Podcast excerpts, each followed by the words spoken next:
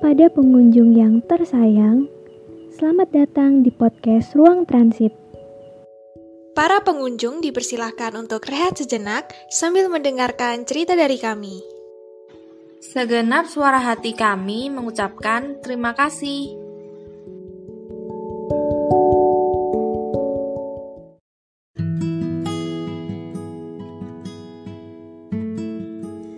Ngomongin tentang cinta, itu kadang bisa jadi hal yang sederhana dan juga bisa jadi hal yang terlalu rumit. Ya kayak pedang bermata dua. Klasik memang, tapi ya itulah cinta. Pada awalnya aku cuman perempuan yang pengen punya pasangan, yang selalu khawatir gimana nanti kalau aku gak ketemu jodohku. Cuma ada pikiran sederhana di kepalaku pikiran kalau yang manusia itu harus punya pasangan, menikah, dan membentuk keluarga. Dari pikiran yang sederhana itu lama-lama jadi semakin rumit ketika aku banyak baca novel yang isinya cerita cinta yang luar biasa. Di novel-novel selalu diceritain kan kalau ikatan pasangan itu selalu kuat. Mereka bakal saling ngelindungin, selalu kembali gimana pun caranya, dan selalu bertahan apa pun situasi dan masalahnya. Mungkin kita akan mikir kalau cinta yang kayak gitu tuh nggak ada, nggak mungkin. Yang kayak gitu cuma ada di cerita novel atau film. Pikiran itu nggak salah, karena kalau berkaitan dengan cinta, menurutku nggak ada yang salah atau benar selama cinta nggak dimanfaatkan untuk menghancurkan orang lain.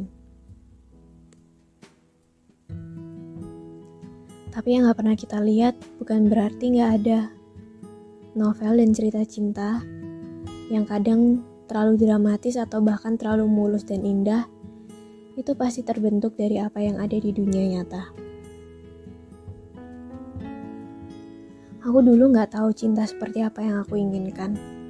Bisa dibilang terlalu pasrah. Cuma mau laki-laki yang baik aja, tapi belakangan aku menyadari cinta seperti apa yang aku inginkan. Dulu waktu aku masih sering nulis cerita iseng yang tujuannya cuma buat seneng-seneng aja, aku selalu bikin cerita sahabat jadi cinta. Bentuk hubungan ini masih selalu jadi perdebatan kan? Ada yang bilang laki-laki dan perempuan gak akan bisa murni bersahabat. Akan ada salah satu yang punya perasaan lebih. Tapi buat aku, menurutku, cinta yang tumbuh dari persahabatan itu indah banget. Ya karena pasti kami udah saling terbiasa berdua. Kami tahu kebiasaan masing-masing. Kami tahu kesukaan masing-masing. Udah tahu cara menghadapi satu sama lain. Dan menurutku, yang kayak gitu sebenarnya malah akan membuat hubungan itu langgeng. Karena ya itu tadi, sama-sama udah tahu apa pun tentang satu sama lain. Dan kami akan tahu cara komunikasi paling berhasil kalau-kalau kita bertengkar nantinya. Tapi kan kalau putus, jadi nggak bisa sahabatan lagi. Ya, kenapa harus putus? Selama itu bersahabat, selalu berhasil baikan kalau berantem, selalu bisa kasih support buat satu sama lain, dan ketika kami punya perasaan yang sama, sepakat buat pacaran, ya kenapa putus? Kalau semua masalah di antara kami bisa kami kendalikan selama kami bersahabat, ya kenapa pas pacaran gak bisa? Ya mungkin aku memang belum dapat kesempatan untuk ngerasain hubungan kayak gitu. Mungkin aku bisa bilang begini karena belum ngerasain. Tapi aku menginginkan cinta seperti itu, dan hubungan itu akan sangat sulit aku temukan.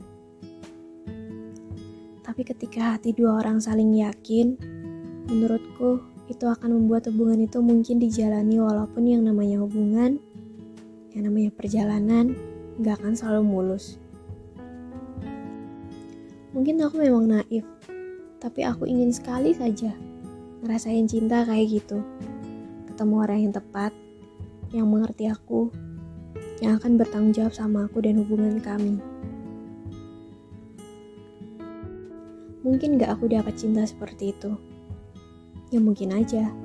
Tapi bisa jadi mungkin aku nggak mendapat itu juga. Ya nggak apa-apa, karena semesta mungkin punya rencana yang lebih indah. Jadi aku pasrahkan sama semesta. Tapi kalau boleh minta, aku mau cinta yang seperti itu. Berharap kan nggak apa-apa. Siapa tahu dikabulin semesta. Jadi, kalau kalian mau cinta yang seperti apa?